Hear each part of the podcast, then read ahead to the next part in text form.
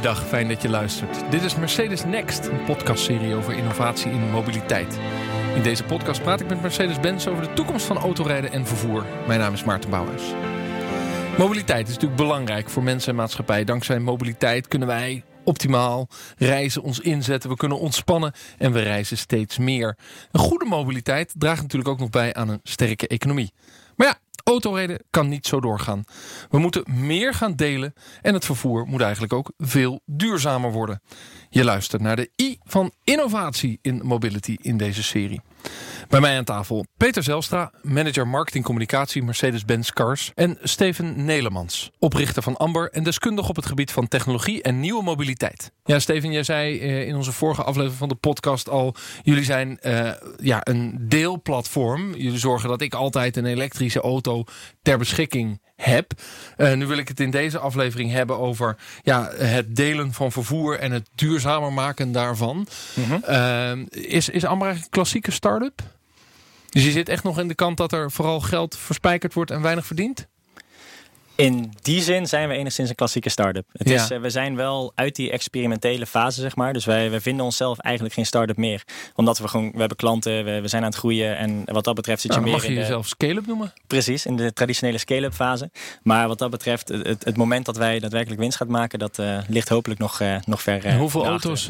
oh, je wil geen winst maken? Nou, nog niet. Oké. Okay. het is wel grappig eigenlijk. Ondernemers die zeggen ik wil geen winst maken. Vind je niet Peter? Ja, ik sta ook te kijken. Ja, ja, waarom dan niet? Omdat, why je, omdat je omzetbelasting, winstbelasting moet betalen. Wat is het probleem? Nee, kijk, het is, het is een beetje de gedachte erachter is op het moment dat je, dat je heel veel kan investeren, zeg maar, harder kan groeien. Dus echt in je groei kan investeren. En daardoor moet er dus wel genoeg geld tegenover staan van bijvoorbeeld investeerders. Om dat allemaal te financieren. Dan kun je dus zorgen dat je veel harder groeit. En dat je elke keer je marge kan investeren in een volgende stap. Begrijp ik. Um, nu is de vraag, hoeveel auto's uh, moet je op de weg hebben om uh, enigszins een rendabel platform te worden? Want uh, daar gaan we het hier over hebben. Over, over ja, we zeggen innovatie, investeren in sharing en een duurzamer mobiliteitsdenken. Mm -hmm. nou, jullie zijn een voorbeeldplatform daarvan. Ja, dat roept de vraag op van hoe groot moet die olieflex zijn om een beetje een gezond model te hebben? Uh, voor ons eigenlijk heel erg klein. Het leuke is omdat wij... Maar is dat duizend auto's of 2000 of drie? Vijf. Vijf auto's? Voor ons wel, ja.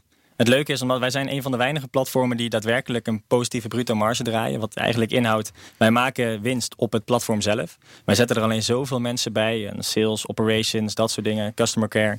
Te zorgen dat wij heel snel heel veel groter worden. Maar als je puur kijkt naar de kern van ons bedrijf, dan is het gewoon gezond.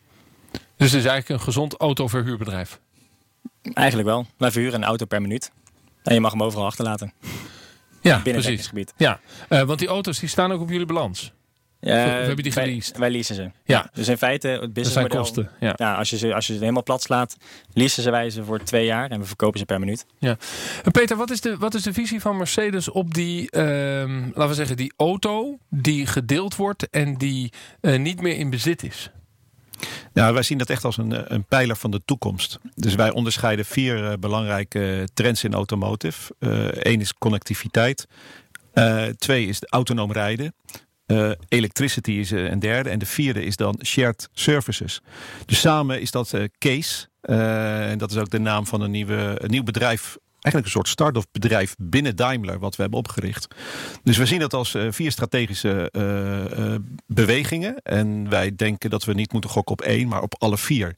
Dat de kracht zit in om die vier trends tegelijkertijd te ontwikkelen en te bedienen. Maar shared services zien we dus als een, een heel grote pijler. Ja. ja, en dan is het dus elektrisch en het is connected.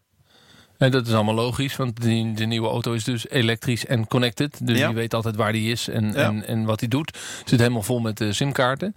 Uh, maar het is dus ook shared. Ja. Is dat moeilijk voor een, voor een, voor een bedrijf wat, uh, laten we zeggen, al 130 jaar auto's maakt en verkoopt? En op het moment dat die verkocht is, ja, dan is die verkocht. Dan staat de, staat de marge op de, op de nou, het, het, het, vergt een grote uh, transformatie. Uh, dus uh, eerst moet je het onderkennen dat die bewegingen er zijn. en dat je dus je traditionele businessmodel moet aanpassen. Dus wij onderscheiden nu wat we altijd deden als de core business. Ehm, en we hebben de case business.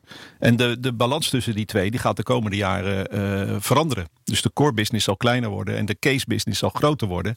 En op termijn zal die case business uh, groter worden dan, uh, dan de huidige core business. Het aardige van Amber dat ze dus een platform oprichten, vervolgens auto's gaan leasen. Dat kunnen ze van elk merk doen die fatsoenlijke elektrische auto's biedt. Ja. Dan kunnen ze dus volgend jaar ook bij Mercedes terecht. Ja. en dat kan nu al, want jullie hebben Car2Go ja, rijden. Ja. In Amsterdam al vijf jaar, zo zes jaar misschien nog wel. Ja. Um, ga je dan als, als autoproducent zelf zo'n platform oprichten? Ja, maar ook samenwerkingen aangaan. Dus maar wij, ook zelf doen? Ja, we hebben Car2Go. Uh, we hebben recent aangekondigd dat we gaan samen met BMW, met Drive Now van BMW, gaan we samen één groot platform creëren. En is dat een vergelijkbaar platform waarin ik als consument een, een auto ter beschikking heb op ja, het dat ik hem dan in de definities van wat precies de spelregels zijn. Maar in essentie is het hetzelfde. Het is het, het delen van auto's. Of het, Heeft dat nieuwe platform al een naam? Wordt dat nee, Drive nee, Now? nog niet. Nee. Nee, je wil niet de naam van BMW overnemen. Nee, het, zal, het is nog niet eens bekend of het een derde naam wordt. Uh, maar er zal een naam uh, komen. En gaat dat eerst in Duitsland live? Of in Nederland ook? Nee, dat gaat dan wereldwijd. En dat, en dat wordt een vergelijkbaar platform dat ik geen auto hoef te hebben. Maar dat als ik hem nodig heb, dan, ga ik, dan ben ik klant Ja. bij het platform. Ja. En dan zorgen jullie dat ik een auto ter beschikking heb. Ja. Maar dan heb je natuurlijk hetzelfde probleem als Amber. Dat ze zeggen, ja, we, we kunnen maar in een soort van kleine olievlekjes uitrollen. Want het moet op loopafstand beschikbaar zijn. Ik moet natuurlijk niet met de fiets op de bus. Ja, maar daarom gaan we samen met BMW. auto. Dan hebben we meer eh, scale. Ehm, en wij zijn natuurlijk beide premium merken. Dus wij, wij zien het ook als een vorm van luxury eh, mobility. Dus je hebt aan de onderkant van de markt eh, mobility concepten. Maar wij gaan ons dan in de markt van luxury mobility. En dan gaat het erom wat voor luxury gevoel ga je extra bieden ehm, aan de gebruikers daarvan. Ja. Eh, dus dat is nog wel belangrijk voor Mercedes. Dat je een luxe merk blijft. Tuurlijk, dat is onze DNA. Al eh, 130 jaar, dus dat zullen we altijd vasthouden. Ja. Eh, geloof je daarin, eh, Steven, dat ehm, die premium merken zelf zo'n platform oprichten? Uh, ja, het, het, gebeurt zeker al. Het lastige is, uh, je moet wel heel erg veel gaan, gaan innoveren en gaan omgooien als autofabrikant om daadwerkelijk ook efficiënt zo'n platform neer te zetten. Dus er zijn, er zijn een aantal platformen die hebben, er ook, die hebben er ook best wel moeite mee om bijvoorbeeld zo'n platform ook winstgevend te krijgen. Uh, dus de vraag is, is het handiger om het zelf te doen of is het handiger om bijvoorbeeld een bestaand platform te pakken en dat dan als een soort van kanaal te gebruiken om dan alsnog die auto's weg te zetten? Ja, want Car2Go in Amsterdam, was dat een bestaand platform of is dat ook door Mercedes opgericht? Beide. Beide, ja. ja.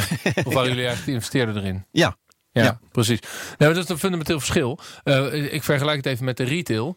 Ehm, het, alle supermarkten die proberen online boodschappen te verkopen... hebben daar enorme moeite mee door hun oude legacy. En Picnic is super succesvol, omdat ze eigenlijk geen legacy hebben.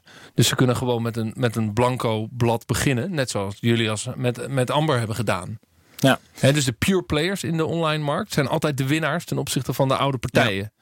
Nou, Blokker gaat nooit van zijn levensdagen een rendabele web- webshop in de lucht krijgen. Ja, maar Car2Go was echt een ontwikkeling van Daimler zelf. En dat kwam uit wat toen de afdeling Business Innovations uh, heette. Uh, dus een van de eerste ideeën die daar werd uh, gelanceerd. En die we vervolgens ook echt in de markt hebben gezet. En vervolgens als schaal hebben gegeven. En die afdeling Business Innovations die is nu uitgegroeid tot wat heet Lab 1886. Een verwijzing naar het jaar waarin de, de auto werd uitgevonden door uh, Carl Benz. Um, en dat is nu een, uh, eigenlijk een soort start-up community binnen het bedrijf. Dus daar kunnen ideeën ontwikkeld worden. Um, en tot volwassenheid gebracht worden buiten de traditionele misschien wat loggere structuur van Daimler zelf. Ja, ja. En de vraag is hoe ver wordt het er buiten gezet? Wordt het er ook in een BV-structuur buiten gezet?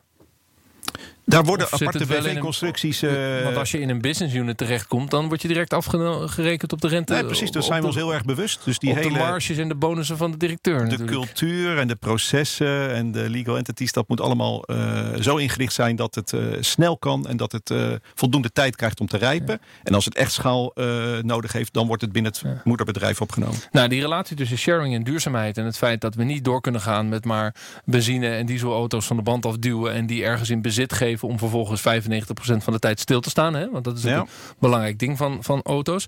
Is er in dat eh, lab 1886 al een ontwikkeling waarvan je zegt, ah, hier zijn ze mee bezig. Klein tipje van de sluier in deze speciale Mercedes podcast van wat er dan aan zit te komen. Nou, ik, ik heb uh, bijvoorbeeld een keer wat designschetsen gezien van uh, nieuwe vormen van uh, mobiliteit. En dan zagen we een, een platform, dus een chassis met daarop een, een passagierscompartiment. en in die auto kan je dan zelf naar de plek rijden, s ochtends naar neem bijvoorbeeld, je gaat naar je werk. Maar dan word je bij je werk afgeleverd door die auto. Vervolgens gaat die auto autonoom terug naar een soort uh, rangeerterreintje. Daar wordt het passagierscompartiment eraf gehaald. En wordt er een cargo compartiment opgezet. En de rest van de dag gaat die auto cargo rondrijden in de stad. Totdat jij weer terug moet. En uh, dat hij in de passagiersuitvoering jou weer komt ophalen. Ja, nou, maar dat, vind ik mega efficiënt. Ja, dat is briljant. Maar dat is natuurlijk wel de tijd van uh, autonoom rijden in de stad. Waarvan alle specialisten zeggen dat is nog heel ver weg. Ja, maar het feit dat het al uh, is bedacht en is vormgegeven gaf mij wel heel veel vertrouwen. Maar denk je dat, we dat voor 2040 gaan zien in een stad? Ik durf er geen jaartal op te plaatsen. Maar ik denk dat wij in zijn algemeen nou het ontwikkelingen sneller dus zullen meemaken dan we denken. Ik denk dat het sneller gaat dan, dan ja, de vraag is dat het langer duurt. Onze, onze, eigen, onze huidige hersenspan kunnen overzien hoe de toekomst eruit ziet. Ja. iPhone is, alweer, is alweer elf jaar geleden dat hij geïntroduceerd werd. exact. Hoe snel het gaat. Um, de, de vraag is natuurlijk, dit soort modellen, Steven, we hadden het er in de, in de vorige aflevering eventjes over. Toen zei jij van ja, wij vervoeren mensen en we kunnen in de kofferbak een pakketje leggen. En met, met slimme AI's en algoritmes uh, kunnen we dat redelijk predictive doen. Wat is wat jou betreft de volgende stap waar jullie mee bezig zijn? Nog weer een beetje slimmer dan alleen maar pakketjes vervoeren? Omdat je toch dat platform hebt met die, met die rondrijdende auto's? Um, Goeie vraag. Nou, de volgende stap voor ons op dit moment is vooral zorgen dat wij echt een, een, een, een, basis gaan creëren, echt een uh, groep van mensen gaan creëren, gebruikers gaan creëren die echt die auto's consequent gaan gebruiken. Het belangrijkste is die datastroom moet op gang gaan komen voordat je er ook daadwerkelijk iets mee kan.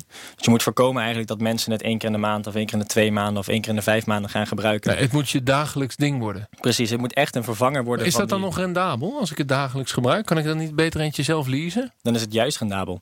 Want het leuke is, jij gebruikt dat ding één uur, één uur per dag. Die overige 23 uur per dag kunnen wij hem inzetten voor nou ja, bijvoorbeeld andere gebruikers. Of die pakketjes waar we het net over hadden. Of misschien nog wel hele andere businessmodellen waar we over een paar maanden nog, wat over een paar maanden bedenken. Ja, dan gaan we straks ook nog doorpraten over elektrische auto's. En die auto's zijn elektrisch. Het probleem daarvan is de laadtijd. Dan kan hij toch niet uh, eh, 23 uur per dag rijden? Dat is toch juist het hele punt? Nou klopt, daar heb je ook weer hele slimme innovaties voor. Je hebt uh, sowieso zijn niet alle ritten, uh, de, de, die hebben dus niet volledige capaciteit van de batterij nodig. Dus stel je voor, je rijdt 50 of 100 kilometer, wat best wel een rendabele rit is hier in, in Nederland. Dan heb je dus nog 100 kilometer over in de huidige batterijsetting. Stel over 2, 3 jaar worden de batterijen 400, 500 kilometer aan range. Dan wordt het in één keer een heel stuk uh, interessanter. Zo kun je dus zorgen dat die uh, auto veel efficiënter ingezet kan worden. Je krijgt ook steeds meer... Uh, uh, steeds meer laadpalen die ook veel sneller op kunnen laden. Bijvoorbeeld met Fastnet en, en Allego zijn ook allemaal met snellere en hogere laadcapaciteiten bezig. Zo kun je dus zorgen dat je die um, utilization van die auto's zo hoog mogelijk krijgt. En zo dus zorgt dat je die veel efficiënter inzet. Waardoor het voor jou als consument veel goedkoper wordt. Want ik noemde al eventjes die uh, eh, 95% van de tijd dat de auto stilstaat. Dat is eigenlijk heel gek hè. Autobezit is toch, is toch een heel gek ding. Zonde. Uh, tegelijkertijd is het een soort emotioneel ding. Wat, wat hebben jullie een target gezet op wat, haal, wat je haalbaar acht voor, voor de, laten we zeggen, het gebruik van die auto? Hoeveel, hoeveel per, hoe, kan die 95% naar 50 of naar 30? Of naar, dat die niet gebruikt wordt? Wij zitten momenteel, onze primaire focus is zakelijk gebruik. En daar ook een klein beetje woon-werkverkeer bij uh, nu. Wij zitten nu ongeveer tussen de 4,5 en 5,5 uur per dag dat die auto's gebruikt worden. Van de 24, Peter, vind je dat, vind je dat uh, ja, stemt je dat optimistisch? ik vind het een mooie score, eerlijk gezegd. Ja. Dankjewel. Ja. Steven, je werkt samen met ABN AMRO, dus je hebt ook allerlei grote corporate deals. Hoe ziet dat in de kern eruit? Nou, het leuke is, die bedrijven die hebben nu enerzijds leaseauto's, maar er zijn ook heel veel mensen die kilometers declareren. Dus nu zakelijke ritten maken met hun eigen privéauto en daar kilometers voor declareren. Die auto's die worden minder gebruikt dan zo'n leaseauto. Want zo'n accountmanager of relatiemanager die zit toch wel heel erg veel in de auto. Maar de mensen die af en toe een rit maken, die hebben wel de hele dag die auto op kantoor staan. Die willen misschien die auto ook niet bezitten, want die wonen in het centrum van Amsterdam waar je geen parkeerplek kan krijgen of in ieder geval een half uur op zoek bent. Die wil gewoon lekker op de fiets naar je werk. Betaal mij het leasebedrag maar uit per maand, kan ik van op vakantie. Precies. Nou, Elke maand weer. Ja, dat, het leuke is, wat je nu zegt, dat is de mindset van steeds meer en meer mensen. Ja. En zo zie je dus ook bij die gebruikers dat ze heel erg openstaan voor zo'n concept. Het allerbelangrijkste wat ze elke keer weer tegen ons zeggen en aan ons vragen is van... jongens, als ik dan dadelijk een afspraak heb met een klant, ik sta op het punt om een deal te tekenen. Ik kan niet voorkomen dat ik hem op moet bellen en zeg van ja, sorry, er is geen auto beschikbaar. En dat is het allerbelangrijkste. En als je dat geregeld hebt, dan gaan ze over. En dat lukt dus. Het is in, we, Om zijn te zorgen dat, jaar, die, dat de bankiers op tijd bij hun deals zijn. We zijn meer dan een jaar live. En we hebben, het is nog nul keer voorgekomen dat er iemand het eh, heeft misgegrepen. Ja. En dat terwijl er duurzaamheid bij komt. De mobiliteit is volledig flexibel. Mensen kunnen van elk kantoor en elke openbare hub waar ze zijn en waar ze willen, kunnen ze een auto vandaan halen. En ze besparen 30 tot 40 Het procent van de kosten. fascinerende helemaal tot slot, eh, Peter, hiervan is natuurlijk, en daarom vraag ik Steven naar het voorbeeld, eh, dat je dus ook als bedrijf een transitie moet maken in die nieuwe tijd eh, van samenwerken met andere grote corporates en dit soort samenwerkingen optuigen. En nu heeft hij dat als platform gedaan. Dat kunnen jullie als, als laten we zeggen, traditionele autofabrikant ook doen. En dat is ook een hele andere manier van denken dan een dealernetwerk onderhouden en autootjes verkopen. Ja, want wat ik nog Werken zeggen. jullie al aan dit soort eh, deals? Ja, nou ja, eh, wat wij nu ook gaan aanbieden eh, met de Mercedes Me-app... is dat je als eh, Mercedes-Benz-bezitter ook jouw auto kan delen met andere mensen. Dus de- de- je bestaande auto, eh, daar kan je er zelf voor kiezen. Wil ik ook mijn auto delen met anderen? Ja, maar Dus dan kom je in een bieden heel zelf ander, dan kom je in een heel ander veld. Want die, die, Merc- die Mercedes heb ik gekocht bij de dealer. Dus dat is eigenlijk traditionele autoverkoop. Ja. Dan ga ik jullie gebruiken om hem te delen met iemand anders. Dan moet ik emotioneel maar goed, maar, maar prettig vinden dat iemand in mijn auto rijdt. En dan komen we weer op dat aspect van, eh, willen we dat wel? Die, die auto's die, die ABN AMRO gebruikt van Amber, ja, dat zijn anonieme auto's. Ja. Hè, dat, dat zijn een soort, soort taxis. Dus dan heb je de emotionele band heb je dus niet mee. De vraag is natuurlijk, als jij eh, eh, als Mercedes een grote deal maakt met Deutsche Bank. en je kunt in één keer eh, 5000 elektrische auto's kwijt. omdat je daar eh, een mooi platform hebt gebouwd. Dan, dan kom je dus een heel ander businessmodel. dan, dan een, een dealernetwerk en autootjes Ja, klopt, verkopen. maar het zijn allemaal andere businessmodellen. Maar het aardige is dat je als Mercedes-Benz eigenaar nu ook je eigen businessmodel kan starten door auto's te gaan delen. En daar ook voor betaald wordt. Ja, ja, wa- wa- wat voor constructie je dan ook kiest. Dat is dan wel weer interessant. Ja. Dus eh, je moet heel veel verschillende initiatieven eh, tegelijkertijd uitdenken en ontwikkelen en aanbieden. En je ziet vanzelf welke initiatieven groot worden in de markt. Ja. Dus niet zozeer gokken op één eh, soort, maar gewoon alles proberen te En- en het onderzoeken. draait allemaal om efficiënter gebruik van de auto's die we hebben. En eh, innovatieve concepten bedenken om dat voor elkaar te krijgen. Ja, en Daar, hebben we dit, daar hebben we het in dit gesprek Ja. over. Eh, betekent dat we over tien jaar uiteindelijk minder auto's op de weg hebben? Bijvoorbeeld in Nederland? Of ze worden veel efficiënter benut. Ja, dan zouden we er dus ook minder nodig hebben, in theorie. Ja, dat er minder bij komen. Misschien dat het huidige aantal wel oké is, maar dat het niet efficiënt Of wordt je van de vraag dat je als eh, autoverkoper minder auto's zou hebben? Nou, maar dat is een van de redenen waarom we dus dat, eh, dat case-bedrijf hebben opgericht. We voorzien dat, dat die businessmodellen gaan veranderen. Dus je moet straks met case eh, ook voldoende profit maken om te overleven. Ja, en Kees zetten jullie groot neer. Wordt Ja. veel in geïnvesteerd. Ja. Dus dat zegt wel iets over het belang wat. Mercedes er dus aan hecht. Ja. Dus het zou kunnen, minder auto's op de weg. Er komen er in ieder geval minder bij. ja, maar we zien voorlopig wereldwijd, wij praten dan wereldwijd, eh, nog echt voldoende ruimte voor, veel, voor grote groei. Eh, in de, met name het premium eh, segment. Ja, en dat Dus- zijn ook nog benzine- en dieselauto's. Ook, ja. Maar de- ja, de situatie per land of per werelddeel is ook verschillend. Dus dat maakt het voor een global eh, speler eh, ook eh, uitdagend. Dat begrijp ik. Laten we daar in onze volgende podcast over doorpraten. Dankjewel Peter Zelstra en Steven Nelemans van Amber. In de volgende aflevering praten we namelijk over de nieuwste technologie. Wat kunnen we verwachten van de waterstofauto en hoe lost Mercedes het radiusprobleem van de elektrische auto op? Deze aflevering staat er voor je klaar op de site van Mercedes. Mijn naam is Maarten Bouwers. Bedankt voor het luisteren. Dag.